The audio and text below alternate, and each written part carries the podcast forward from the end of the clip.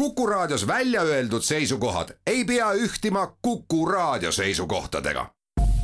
Te kuulate Kuku Raadiot.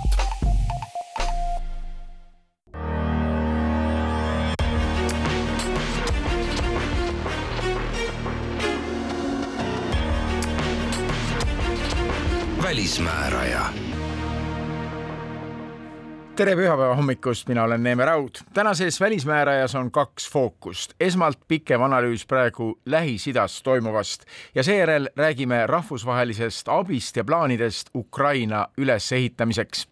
Eestis tehakse Ukraina jaoks valmis ja viiakse kohale lausa terve moodul lasteaed ent kõigepealt, kuigi me jälgime iga päev sõda Ukrainas, kestab sõjategevus endiselt ka Süürias. äsja oli uudis sellest, kuidas Venemaa ja Iisraeli jõud seal operatsioone korraldasid.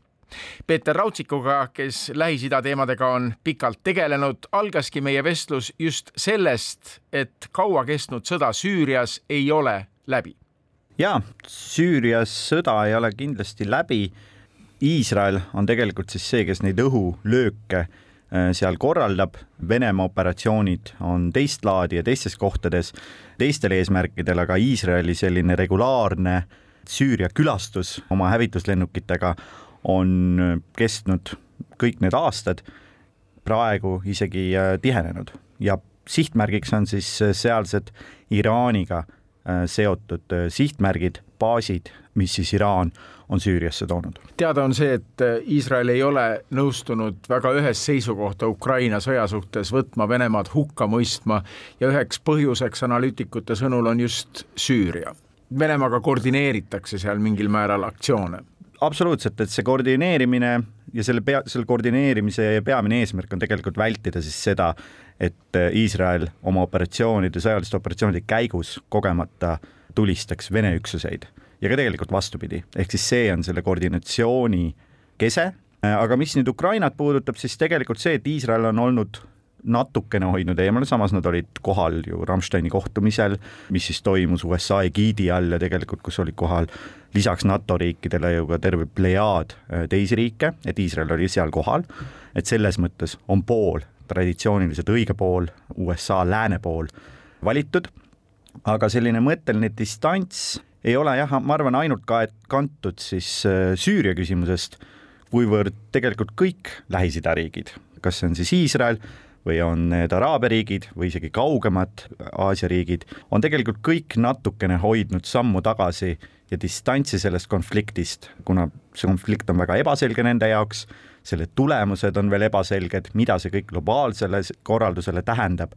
Ja nad tegelikult tunnevad ju väga selgelt seda, et see ei mõjuta nende vahetut julgeolekut. kuigi meile siin tundub see natukene naljakas, et Ukraina sõda on esimene, teine ja kolmas teema, meie jaoks riiklikult äärmiselt oluline, siis nende jaoks see on selline Euroopa siseasi. kui me räägime Ukrainast, siis vahel tõesti tundub siin arusaamatu, et pealkirjad on ju ikkagi, et maailm on Ukraina selja taga, aga et maailm ei ole siiski nii ühtne ja et, et see on lääs, lääne plokk, kes on Ukraina selja taga, et maailmas on ka teisi vaateid ja Lähis-Idas on seda väga hästi näha, samuti ka Aasias näiteks. absoluutselt ja me näeme kiiresti või noh, nägime, kuidas pragmaatilised kaalutlused äh, kantud energiakriisist, mis on globaalne probleem praegu, kuidas need kiiresti võtavad üle selle sõjalise momendi ja selle sõjalise konflikti, et noh, näiteks India, suurepärane näide sellest, kuidas nad on nüüd viimastel kuudel tõstnud Venemaalt tuleva nafta hulka kordades-kordades võrreldes sellega, mis nad varem tegid.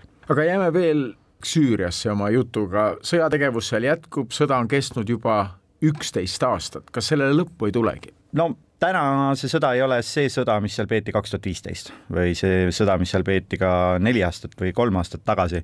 et see sõja intensiivsus on ikkagi võrdlemisi madal ja noh, nii mõnegi linna ja mõnegi piirkonna jaoks Süürias on tegelikult sõda läbi. sinna isegi naasevad mõned süürlased naaberriikides, kus nad olid põgenenud.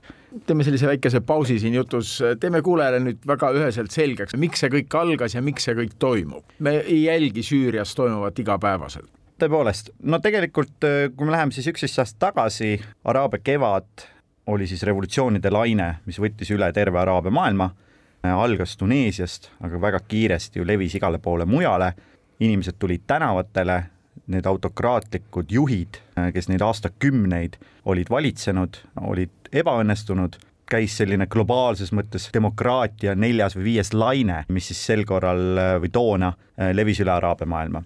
mõnes kohas ülestõusud ei pöördunud sõjaks, Egiptus, Tuneesia, seal lihtsalt toonased autokraadid kukutati võimult võrdlemisi rahumeelselt, aga kohtades nagu Liibüa, Jeemen, Süüria puhkesid siis kodusõjad, mis ühel või teisel moel kestavad tänaseni. Süürias on Venemaa kohalolu seni nähtav, kuigi Ukraina sõja ajal on räägitud, et üksusi Süüriast on toodud Ukrainasse võitlema.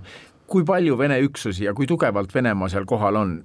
Eelkõige nad muidugi annavad seal lööke õhust. jaa, kuna noh, erinevalt Ukrainast Süürias ja Süüria mässulistel ei ole olnud õhutõrje võimekust, et seal on saanud Vene kopteripiloodid, Vene hävituslennukid ikkagi võrdlemisi vabalt ja turvaliselt oma operatsioone läbi viia, kohalolu on tugev, kohalolu on siis peaasjalikult täna äh, koondunud äh, Süüria siis äh, loode ossa, peamiseks siis baasiks on Khmeimi õhuväebaas, mida siis tegelikult logistiliselt Venemaa kasutab ka ära oma üksuste või ka enda seotud noh, näiteks Wagneri erasõjafirma võitlejaid on samamoodi varustatud ja veetud siis läbi selle Khmeimi baasi, mis lihtsalt geograafiliselt asub sellises kohas, et sealt on väga mugav lennata edasi Aafrikasse äh, ja mujale lõuna poole.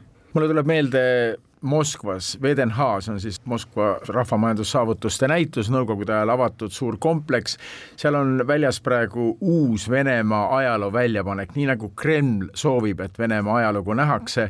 Ja selle suure tuhandeaastase ajaloosündmuste rea viimane märge oli enne Ukraina sõja algust, ma käisin seal ise enne koroonakriisi, kui Venemaa oli veel avatud, viimane märge oli Süüria Kremli arvates oli Venemaa sekkumine Süürias nende riigi jaoks nii märgiline, et, et see märgiti ära lausa tuhandeaastase ajaloo joone peal. ma arvan, et selle peamine põhjus on see siis, et äh, kui me nüüd hüppame tagasi sinna Araabia kevadesse, siis esimene kodusõda, mis seal puhkes, tegelikult oli see, mis toimus Liibüas ja toona siis äh, Muammar Gaddafi, Liibüa valitseja väga jõuliselt ja veriselt hakkas maha suruma mässulisi, kelle vastu siis tegelikult Ameerika eestvedamisel aga ka tegelikult Araabia liiga toetusel toona, teiste lääneriikide toetusel ja ÜRO Julgeolekunõukogu resolutsiooni loal korraldati siis sõjaline operatsioon ja Muammar Gaddafi selle tulemusel natuke aega hiljem ka siis mässuliste poolt äh, tapeti.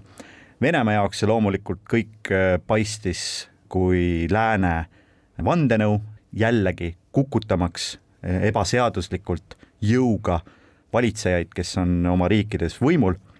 kui järg jõudis natuke aega hiljem Süüriani, siis tegelikult Venemaa äh, võttis vastu strateegilise põhimõttelise otsuse, et siin ja täna Bashar al-Assad ei lõpeta samamoodi nagu Muammar Gaddafi kuskil äh, punkris verisena, vaid Bashar al-Assad jääb püsima ja kõik, tehakse kõik selleks, et äh, Süüria siis võim jääks alles samal kujul ja selles mõttes noh, Vene vaatevinklist selgelt vastustati siis see, mida nad näevad Ameerika imperialismina või Ameerika sellise jõu äh, näitamisena. ja Al-Assad on seni võimul? absoluutselt. Öeldakse, et Venemaa on Süürias harjutanud lauspommitamist, Aleppo tuleb kohe meelde. sellist samalaadset lauspommitamist kasutatakse nüüd Ukrainas? jah, mõneski mõttes, aga noh, ütleme nii, et äh, Ukraina puhul ikkagi kuna vastane Ukraina relvajõudude näol, kellel on ka täna juba kasvavalt äh, läänerelvi, äh, moodsat tehnikat, on ikkagi väga palju tugevam, kui need olid need kehvasti relvastatud ja kehvasti välja õpetatud Süüria mässulised, et äh, päris samamoodi need asjad ei lähe Venemaa jaoks. aga see pilt ja... Aleppost tuleb silme ette, kus lihtsalt linn lauspommitamisega hävitati, sama toimus ju Mariupolis. jah, äh, kuigi noh, Mariupoli puhul tegelikult see tuli ju, tuli äh, suurtükkidest äh, maa pealt, mitte siis lennukitest, et see on väga oluline vahe, et ikkagi Vene lendur, kes ütleme oma esimese kooli päris sõjalise operatsiooni näol sai Süürias, samamoodi ta ikkagi Ukrainas lennata ei saa, sest ta lihtsalt lastakse alla. ja nagu me oleme siin näinud, ta võidakse alla lasta ka omade poolt Peeter Raudsik töötas kaks aastat New Yorgis ajal, kui Eesti oli Julgeolekunõukogus, ÜRO Julgeolekunõukogus siis valitud liige ja Peeter jälgis seal Süüria teemat muuhulgas. Mõne nädala eest oli uudistes teade, et Venemaa blokeeris Julgeolekunõukogus plaani jätkata Süüriale abi andmist veel aasta. me ei süvene resolutsiooni sisusse järgnevas vestluses, kuid ikkagi hämmastav, et riik, mis ise alustas Ukrainas sõda, mille suhtes Julgeolekunõukogu ei ole suutnud midagi teha, on seal nõukogus, mille töö peamiseks eesmärgiks on ju sõdade ärahoidmine maailmas, jätkuvalt näiteks Süüria teemal teiste riikide tahet vetostav ja nii mõjukas mängur. jah, kuigi noh, Venemaa retoorika kogu selle asja ümber on ikkagi see, et eh, nemad peavad seal terrorismivastast võitlust, mida nad ka Ukrainas ütlevad, et nad teevad. julgeolekunõukogu laua taga on Venemaa ikkagi karistamatult edasi.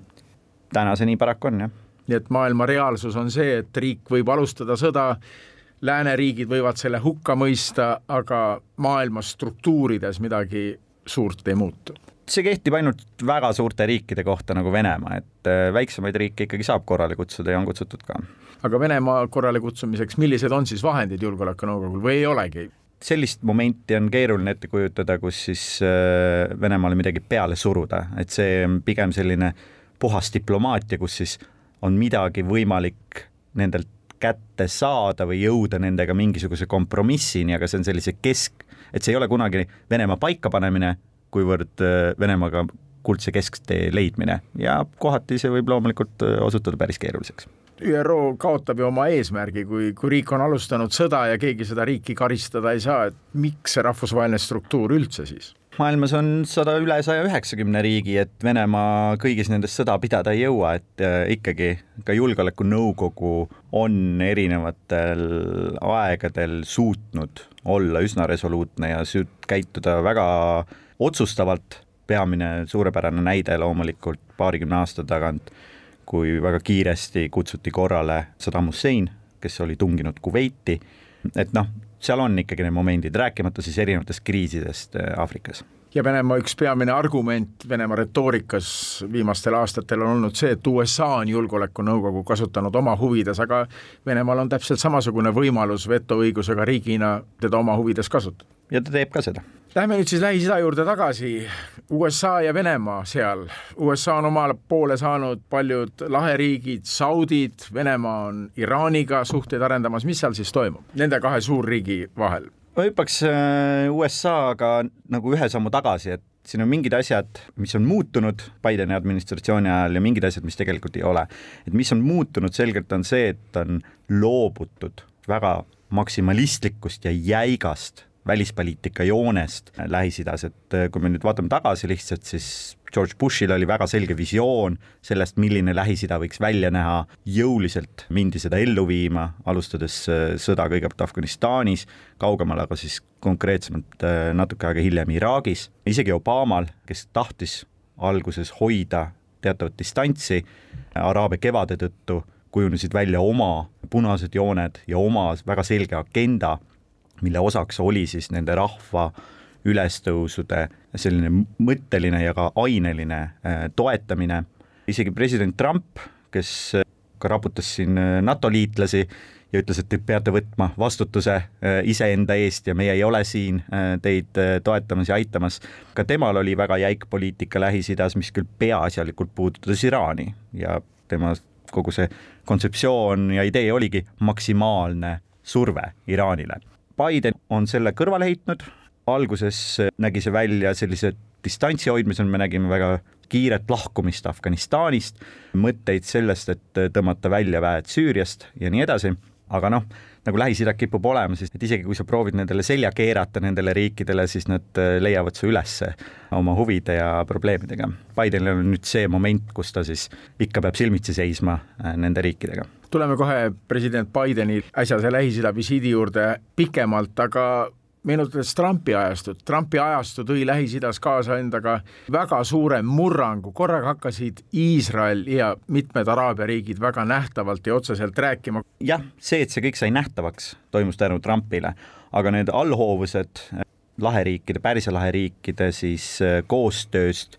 Iisraeliga on tegelikult olnud seal äh, juba mõnda aega ja kõik on ju aastakümneid, ehk siis Iisrael ja need araabiakeelsed riigid, noh, peaasjalikult Saudi Araabia, Emiraadid, on kõik olnud Ameerika Ühendriikide liitlased selles regioonis juba väga-väga pikalt. nii et mõneski mõttes oli see kõik väga loomulik, aga Trump loomulikult oma sellise otsustava, aga ka julge joonega tegi selle asja avalikuks, andis mõista, et äh, see ongi nüüd äh, sõna otseses mõttes koššer. ja koššeriks äh, nimetas seda ka Trumpi väimees Kushner, kes ortodoksi juudina rääkis nii Iisraeliga kui ka rääkis ka Saudi Araabia printsiga ja sai sealt laheriikidest ka oma äridesse suurt toetust. jah, no see paraku oli selline kõrvalsümptom nendele asjadele, aga ma arvan, mis on olulisem siin on see, et kuigi see Trumpi ajal kõik kuidagi realiseerus siis see oli seal enne, eeltingimused olid enne loodud ja tegelikult kui vaadata täna Bideni administratsiooni, siis nad ju on tegelikult püüdnud nii mõneski mõttes seda Trumpi välispoliitika joont jätkata.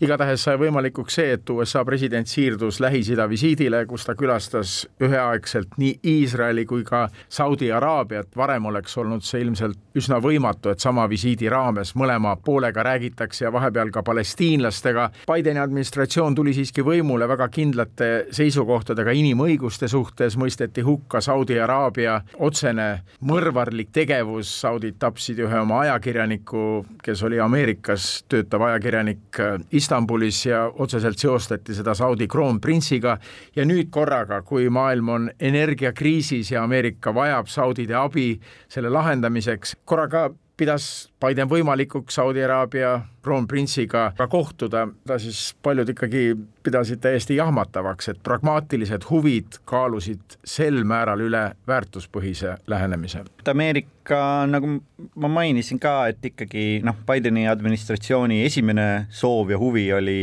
Lähis-Idast eemalduda, kui see ei õnnestu, siis vähemalt sealne välispoliitika siduda laiemate eesmärkidega, noh, administratsiooni üheks selliseks võtmemärksõnaks oli ju demokraatlike riikide allianss, Lähis-Idas demokraatlikke riike paraku väga vähe, ehk siis äh, hea ettekääne ka jällegi suhteid äh, vähendada, hoida teatavat sellist mõõdukat distantsi, aga energiakriis selgelt on palju olulisem äh, probleem, vahetu probleem, mida lahendada ja tuli läbi sõrmede vaadata sellele ja hakata ajama pragmaatilisemalt asju ja mitte lähtuda siis äh, nii rangetest või jäikadest välispoliitilistest eesmärkidest. ma arvan, et see pragmaatika siin ei piirdu kusjuures ainult selle äh, energiaga, et äh, samamoodi vaatab Iisrael väga viltu sellele, et Ameerika Ühendriigid proovivad kuidagi eemalduda Lähis-Idast, kuna nende strateegiline vastasseis Iraaniga kestab ja jällegi Iisrael saab aru väga hästi, et ainult Ühendriigid on need, kes tegelikult suudavad neid piisavalt äh, toetada selles vastasseisus ja päeva lõpuks jõuame ringiga tagasi Süüriasse, kus on jätkuvalt USA üksused kohal ja ka seal ja ma arvan, et seda me alles hakkame nägema siin äh, lähiajal, tuleb jõuda mingisuguste kokkulepeteni president Erdoganiga, kellel on oma väga selge visioon Põhja-Süüria jaoks. Ameerikas on palju erinevaid välispoliitika koolkondi ja üks silmapaistvamaid on muidugi Henry Kissingeri elupõlise realisti, pragmaatiku koolkond ja tundub, et praegusel hetkel on just tema ideed, mis Ameerika välispoliitikas kõige enam nähtavamad on, et tuleb lähtuda arengutest ja tuleb lähtuda reaalsetest oludest ja väärtuspõhisus lükkub tahaplaanile, mis muidugi võib meid natuke murelikuks muuta. jah, nii see on, et aga noh, mõneski mõttes on Ameerika välispoliitika ikkagi sellise suure pika idealismi ajastu lõppu jõudnud niikuinii, nüüd on lihtsalt käiguvahetus. Peeter Raudsikuga jätkame Lähis-Ida analüüsi hetke pärast, siis on kõneks Venemaa tegevus seal ja mitte ainult Süürias, vaid ka Moskva suhted Iraaniga.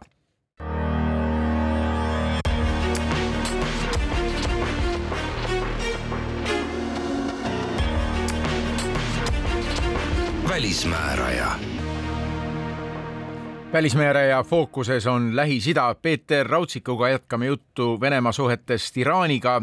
president Putin käis Teheranis äsja visiidil, seega see suhe näib olevat vääramatu jah, nii on olnud ja noh, tegelikult see läheb ka Süüria küsimusele tagasi, et ka Putini visiit Teherani noh, tegelikult ei olnud eraldiseisev äh, asi, kuivõrd äh, Astana kolmiku nime all on Türgi, Venemaa ja Iraan kohtunud juba kahe tuhande seitsmeteistkümnendast aastast. aga tegelikult on see kolmepoolne kohtumine selline üsnagi tänaseks regulaarne formaat, et selles mõttes ei maksa seda, ma arvan, üle tähtsustada äh, nüüd lihtsalt toimumise mõttes võttes arvesse, mis toimub Ukrainas, loomulikult sellel kõigel on märksa suurem kaal.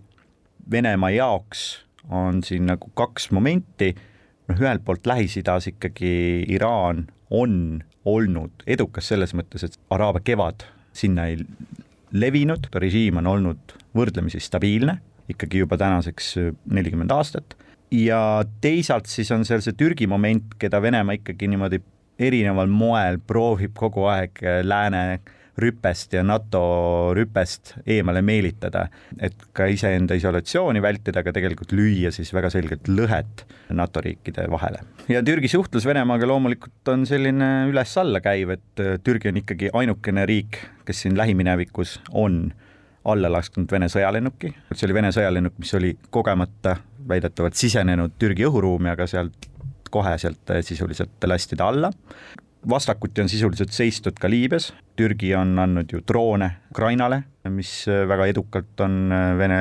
üksuseid äh, Ukrainas äh, hävitanud. Türgi mängib suurriigi rolli või suur, suurriigi mängu, et aga liitlaskohustused NATO-ga, soov kuuluda lääne leeri? see kindlasti on seal olemas ja ma arvan, kõik need ka märgid ka seda kinnitavad, et tegelikult vajadusel ollakse valmis minema Venemaa vastu, aga peaasjalikult peab see olema siis ikkagi, või noh, on see seotud sellega, et kui nad näevad, et sellest on ka mingi oma riigile mingisugune kasu tekkimas.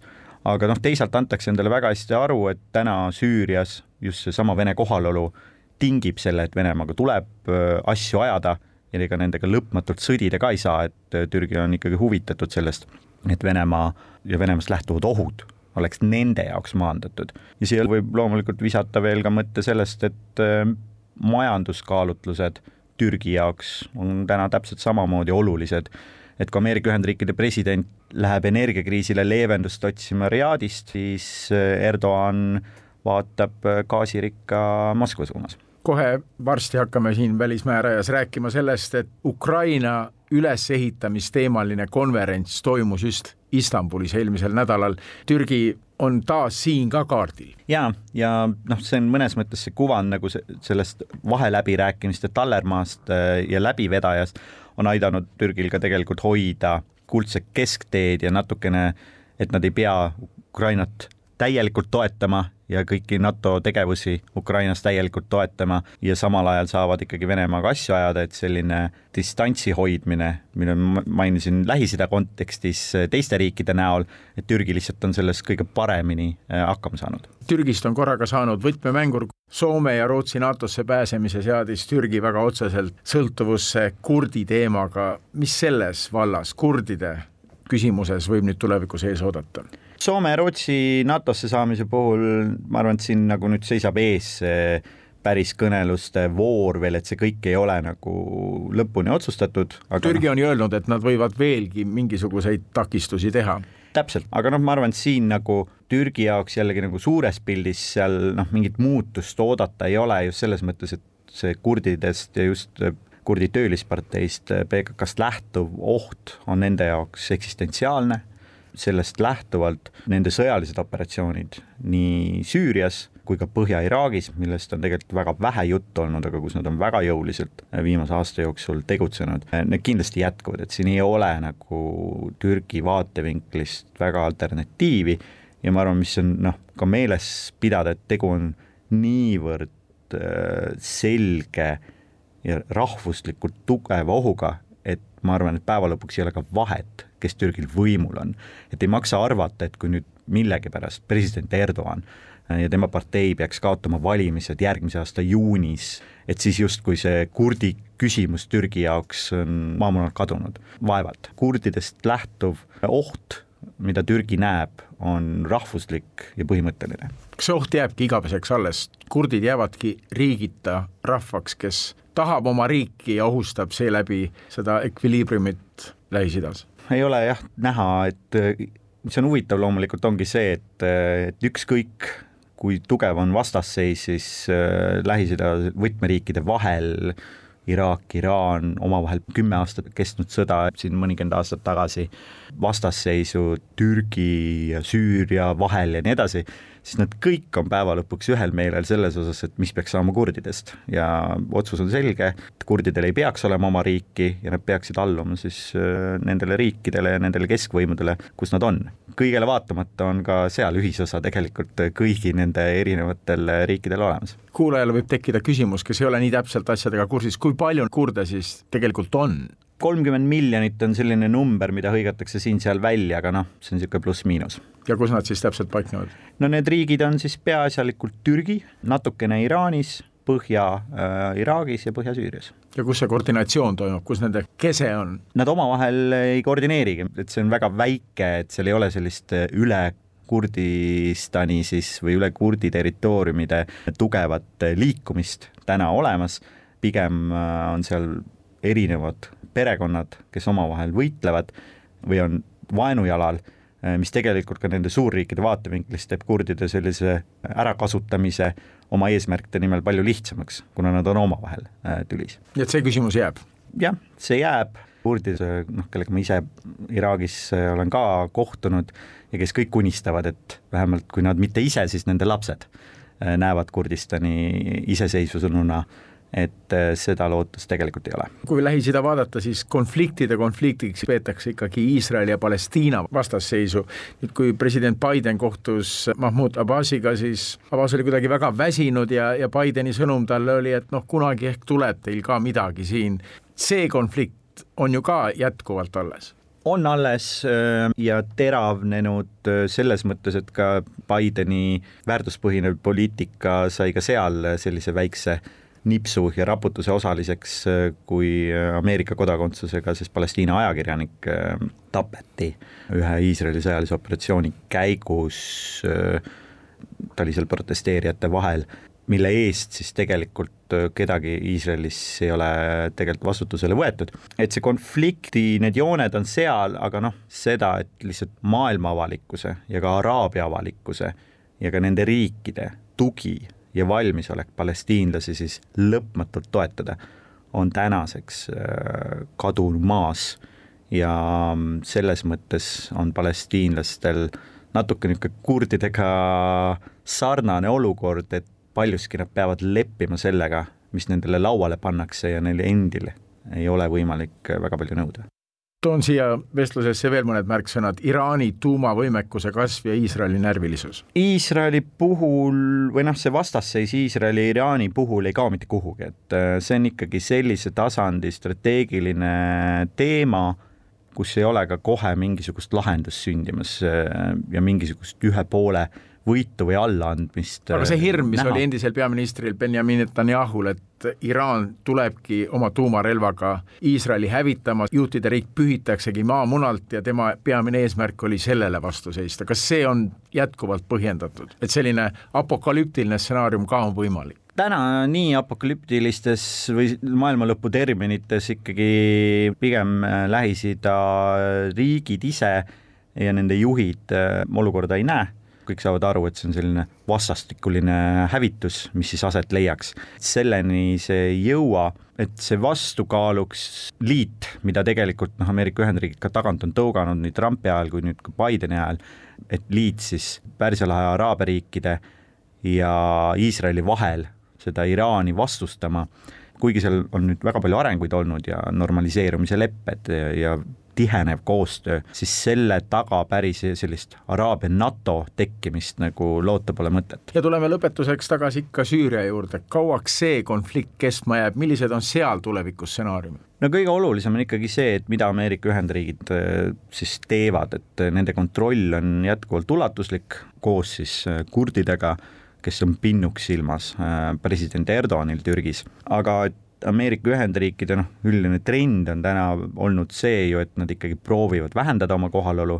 loomulikult Süürias on siis nendel võrdlemisi turvaline praegu, et nende vastu ju igapäevaselt seal rünnakuid ei toimu, jooned äh, on maha tõmmatud, aga noh, see küsimus jääb õhku, et kui kauaks ameeriklased sinna jäävad, seda, et sinna Bashar al-Assad on võimul, see on juba otsustatud, seda, et Venemaa jääb Süüriasse väga pikaks ajaks, see on paigas. Türgi naaberriigina ka ei kao ka mitte kuhugi aga Ameerika Ühendriikide kohalolu on võõrkeha, mis eeldatavasti ikkagi mingi aja jooksul seal väheneb ja kaob, siis tegelikult algab see võidujooks nende alade ülevõtmiseks siis nendelt, kes seal kohapeal on paratamatult siis.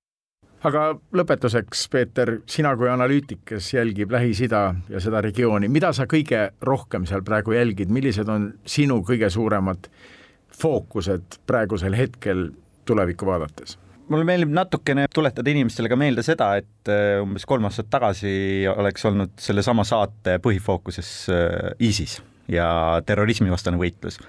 teema, mis tegelikult äh, pea kakskümmend aastat oli kõige olulisem teema äh, Lähis-Ida kontekstis. täna me ei rääkinud sellest ja küsimus, mis kindlasti noh, siin kolme-viie aasta vältel äh, tekib äh, või juba on tekkinud, on see, et kas siis terrorismi probleem on ammendunud ja kas see on nüüd läbi, kas see ajajärk on lõppenud. mida ma jälgin või mille, mille vastu on kindlasti huvi, ongi siis see, et kas on uusi märke tegelikult selle kohta, et äh, terrorismi probleem siis selliste organisatsioonide nagu ISIS ja Al-Qaeda, et see naaseb ähm, ja millel on ka jällegi vahetu mõju meie julgeolekule. Täna ma ütlen, et ei paista seda, aga noh, kui siin on nagu võimalused selleks ikkagi olemas, sest et see rahulolematus noorte araablaste seas äh, ja noorte moslemite seas üle maailma on kindlasti seal olemas ja selles mõttes noh, see ei ole mitte kuhugi kadunud, et selle pinnalt mingi islami äärmusluse vorm uuesti kerkiks, seda, seda ei saaks välistada aga põgenikud, põgenike probleem, Süüria põgenikud, nende saabumine Euroopasse, see oli eelmise kümnendi üks kõige sellisem teravam, lõhesid tekitavam teema Euroopas. kas see teema, põgenike teema on, on laualt kadunud? põgenike teema, üks on nagu see, et just Lähis-Idast lähtuvate põgenike teema, me võime rääkida ja räägimegi ilmselt palju tulevikus Aafrika põgenikest, aga Lähis-Idast no ka Aafrika põgenike tee Euroopasse käib läbi Lähis-Ida riikide, et selle põgenikevoogude puhul üks teema loomulikult on need, et mis neid inimesi tõukavad teele. Ja noh, sisuliselt neid tõukavad ikkagi teele selline totaalne täielik kollaps. Äh, kui see riigil ära käib, siis need inimesed soovivad ja hakkavad sealt väga jõuliselt väljapääsuteed äh, otsima, aga teine tingimus selleks, et siis need põgenikud ka Euroopa piiridele jõuaksid, on see, et need riigid peavad kuidagi võimaldama seda või seal ei saa olla kontrolli, et täna, mida me näeme pigem on see, et kui me vaatame Põhja-Aafrikat ja vaatame Lähis-Ida, siis seal keskvõimud nendes riikides on tegelikult võrdlemisi tugevad, no vähemalt kui me vaatame kolm aastat tagasi või viis aastat tagasi, nad on täna tugevamad. vahet ei ole, kas me vaatame Tuneesiasse või vaatame isegi Liibüasse, mis on äh, paras segapuder olnud, kui need riigid ise suudavad oma piire kontrollida, siis sealt seda põgenike sellist suurt voogu karta kohe ei ole. Lähis-Ida jälgiv analüütik Peeter Raudsik rääkis, kui välismääraja jätkub, kõneleme Ukraina abistamisest. Eestis ehitatakse Ukraina jaoks terve lasteaed, kuid ikka kuuleme ju ka väsimusest, mis Ukraina sõja suhtes on tekkimas. kas seda oli märgata ka kahel kõrgetasemelisel Ukraina ülesehitamise teemasel konverentsil Luganos ja Istanbulis hetke pärast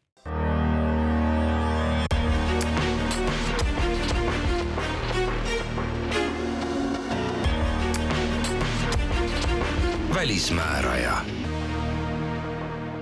juulis toimus kaks kõrgetasemelist konverentsi, kus kõneks Ukraina majanduse taastamine. üks arutelu oli kuu alguses Šveitsis Luganos ja teine Türgis Istanbulis. uurisin Eesti Rahvusvahelise Arengukoostöö Keskuse tegevjuhilt Kadri Maasikult, kes kohal oli, kas seal räägiti ka maailma meedias arutlusel olevatest võimalikest plaanidest Ukraina ülesehitamiseks. esiteks, et raha selleks tuleks välja nõuda Venemaalt ja teiseks, et Ukraina taastamiseks võiks rajada uue niinimetatud Marshalli plaani, midagi sarnast nagu USA tegi Euroopale teise maailmasõja järel eks neid mõlemaid küsimusi ikka erinevates sõnavõttudes äh, nimetati ja lauale pandi, jah. ja mida siis öeldi? kas on reaalne see, et Venemaa võiks hakata maksma? eks neid, kes seda võimalusena nii-öelda nimetavad, et äh, loomulikult on ja eks siis aeg näitab, et äh, kui edukad ollakse. Äh, ma usun, et kindlasti pingutusi selleks astutakse. aga USA-poolne Marshalli plaan, selline samalaadne laialdane ülesehitusplaan, nagu oli Euroopas Teise maailmasõja järel? et otseselt selle nime all ma ei mäleta, et oleks väga konkreetseid diskussioone olnud, noh kindel on see, et Euroopa Liit vägagi lähedal asuva siis organisatsioonina on siin ka, ka samamoodi väga aktiivset rolli võtmas. ja kindlasti neid rahvusvahelisi organisatsioone ja erinevaid riike, kes on täna ju jõuliselt äh, väljendanud ka äh, Ukrainale antavaid äh, abiplaane, on, on mitmeid ja kindlasti püütakse ja töötatakse ka selle nimel, et selline abikoordinatsioon seal võimalikult tõhus ja sujuv oleks. antud üritusel oli siis peamine eesmärk see, et tõepoolest arutada, kuidas on võimalik tänastes oludes äh, nii praegu äh, kui ka peale sõja lõppu Ukraina majandust äh, nii-öelda taaskäivitada. minu meelest täiesti selgelt on näha seda, et kuidas Ukraina parlamendiliikmed, Ukraina ministeeriumite esindajad väga selge sõnumiga on tulnud välja, et oluline on hoida ka tänases situatsioonis majandus nii palju töös, kui see võimalik on.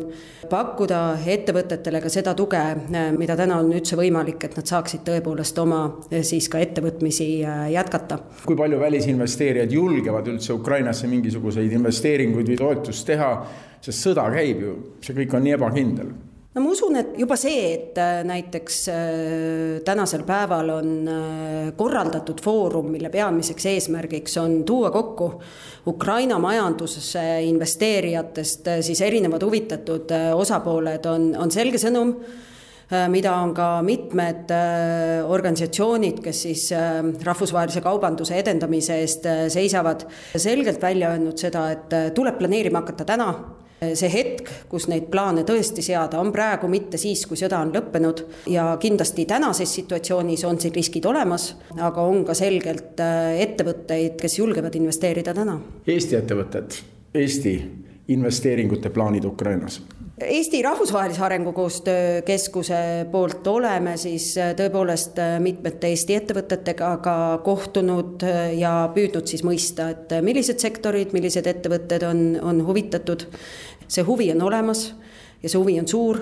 kohe nii võib öelda, et suur? pigem usun küll, kindlasti riske seal, seal keskkonnas on, aga meie organisatsioon kui siis äh, nii-öelda maksumaksja äh, ressurssi siis äh, koostöösse ja Ukraina kestlikkusse arengusse investeeriv siis asutus, et kindlasti ka meie soovime seda tuge Ukrainale pakkuda täna aga räägime konkreetselt siis, kui palju Eesti investeerib sinna, kui palju Eesti toetab praegu, kas teie organisatsiooniga või siis ka ettevõtted otse? käesoleval aastal on meil päris mitmeid projekte, programme siis Ukrainaga koostöös äh, tegemisel. kindlasti üks värskemaid plaane siis tõepoolest ülesehituse sildi all on nagu maailmas üldse pea esimese projektina toetada ühe lasteaia ehitust siis Lääne-Ukraina ühes omavalitsuses Valgevene piiri ääres. Samuti on meil siis ähm, käimas äh, koostööprogrammid äh, meedia strateegilise kommunikatsiooni äh, suunal, oleme mitmeid koostööprogramme teinud ka omavalitsustega nende erinevate valdkondade siis võimestamiseks. üks lasteaed Ukrainale mille Eesti aitab siis ehitada, see tundub ühelt poolt nii suur asi, terve lasteaed, samas vaadates seda sõjakahjustust pisukene. Loomulikult äh, nii ta on, et äh, eks me peame mõistma, et me oleme väike riik, rahakoti paksuse osas me ilmselt kunagi ei suuda maailmas konkureerida, küll aga me Arengukoostöö Keskuse poole pealt saame aru, mõistame ja püüame tõepoolest äh, investeerida just sellistesse valdkondadesse, kus meil Eesti riigi laiapindse kogemusena on ka tegelikult suurtele partneritele midagi väärtuslikku pakkuda. aga see lasteaed, tuleme lasteaia juurde tagasi, kuidas te seda siis ehitate ja kuidas te tagada selle, et, et see lasteaed ei saa kohe pommitabamust ja on hävitatud järgmisel päeval? lasteaia ehituse plaane, et äh, tõepoolest oleme arvestanud asjaoluga, et äh, täna on riik sõjas, mistõttu valdav osa ehitustegevusest ja ettevalmistustest toimub väljapool Ukraina piiri ja eks sellel hetkel, kui me neid nii-öelda lasteaiamooduleid asume siis transportima Ukrainasse, on see nende riskide siis nii-öelda hindamise aeg, et, et kas need olud on selleks sobivad või mitte. praegusel hetkel me töötame selle nimel, et lasteaed oleks seal valmis võimalikult kiiresti. hanked oleme siis lähiajal välja kuulutamas ja ikkagi antud hetkel me lähtume eeldusest, et see lasteaed sinna esimesel võimalusel püsti saab. ja lasteaed ehitatakse siis Eestis? jah oleme planeerinud selle moodullahendusena just nimelt nendel kaalutlustel, et leida võimalikult kiire ehitusprotsess ja võimalikult äh, kiire viis äh, selle lasteaia rajamiseks. kelle idee see oli, et selline moodullasteaed Eestis ehitada? Äh, Ukraina siis Sõtomõri omavalitsus kelle siis Eesti riik on valinud regionaalsete meetmete osas meie siis abi prioriteediks.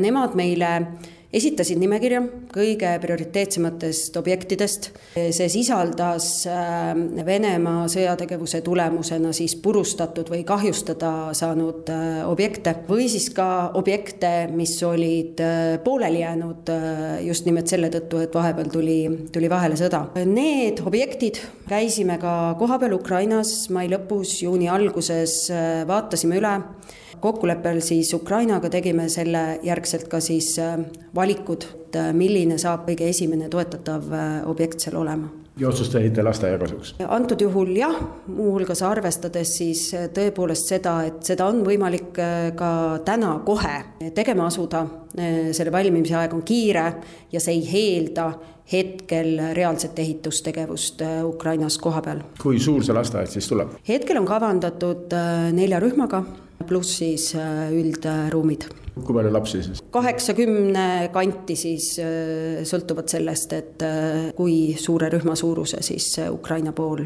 otsustab nendesse ruumidesse paigutada.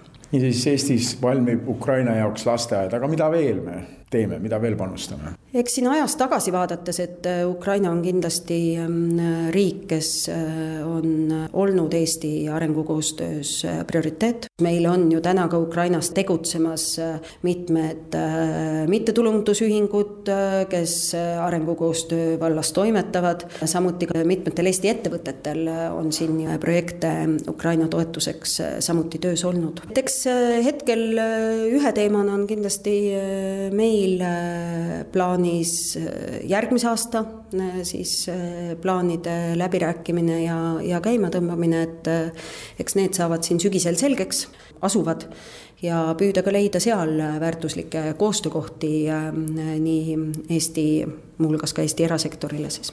doonorid oleks siis erafirmad doonorid võivad olla nii rahvusvahelised organisatsioonid, teiste riikide mm, nii-öelda meiega analoogsed agentuurid, ka erafirmad, ka, ka mitmed era nii-öelda fondid, mis siis finantseerivad tõepoolest riikides erinevaid reforme, majanduskasvu ja nii edasi. kui seda nüüd pisut ikkagi numbritesse panna, et mingitki mastaapi luua, kui suur see Eesti abi Ukrainale võiks olla? käesoleval aastal Ukraina mm, projektide otsene eelarve on üle kuue miljoni euro sellele lisanduvad teatavad siis regionaalsed meetmed, millest osa saab kasu ka, ka Ukraina. siin viimase OSCD statistika järgi ähm, ütleme, OSCD siis äh, liikmesriikide panus oli kuhugi siis viiesaja miljoni äh, kanti Ukrainasse kokku. Loomulikult need numbrid äh, peale kahe tuhande neljateistkümnenda aasta sündmusi olid enam kui kaks korda suuremad ja kindlasti sõja tulemusena need kasvavad märgatavalt. Kui palju Ukraina tegelikult abi vajaks, sellest on ju ka räägitud, et Ukraina ise on esitanud abipalveid ja need on kordades suuremad kui see reaalne abi. kui suured need lõhed nende vajaduste ja reaalse abi vahel on?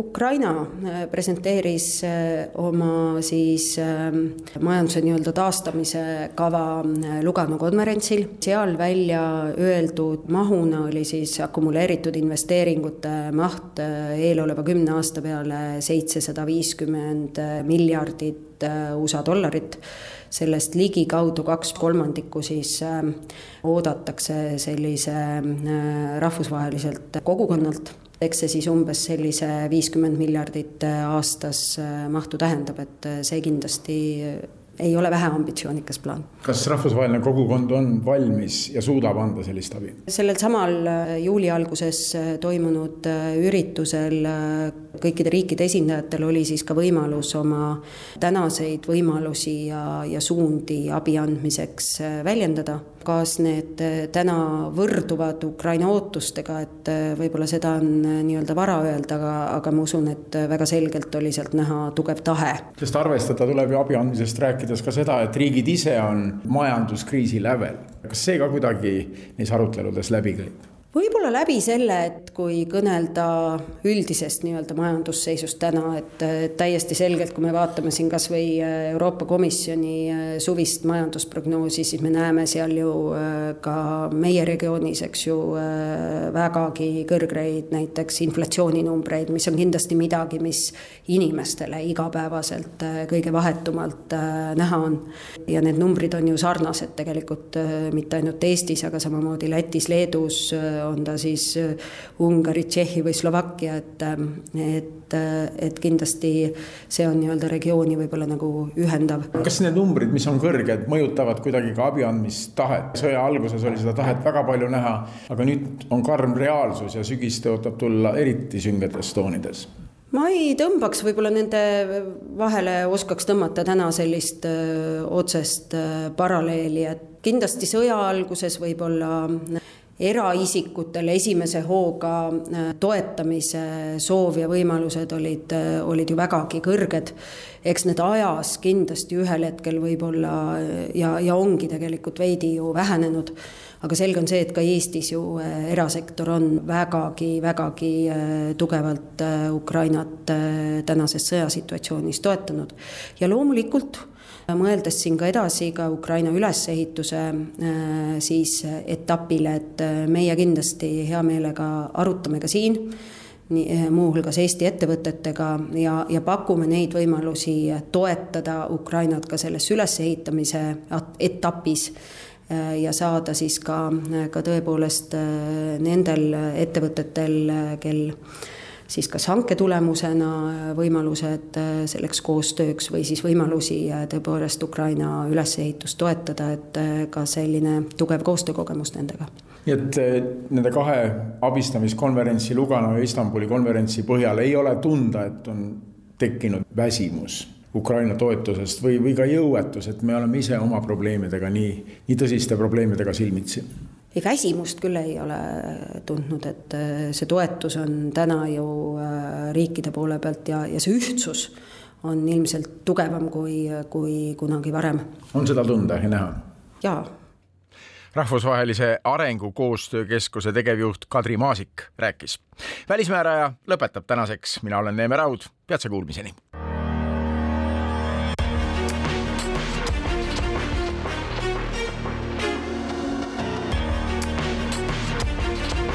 välismääraja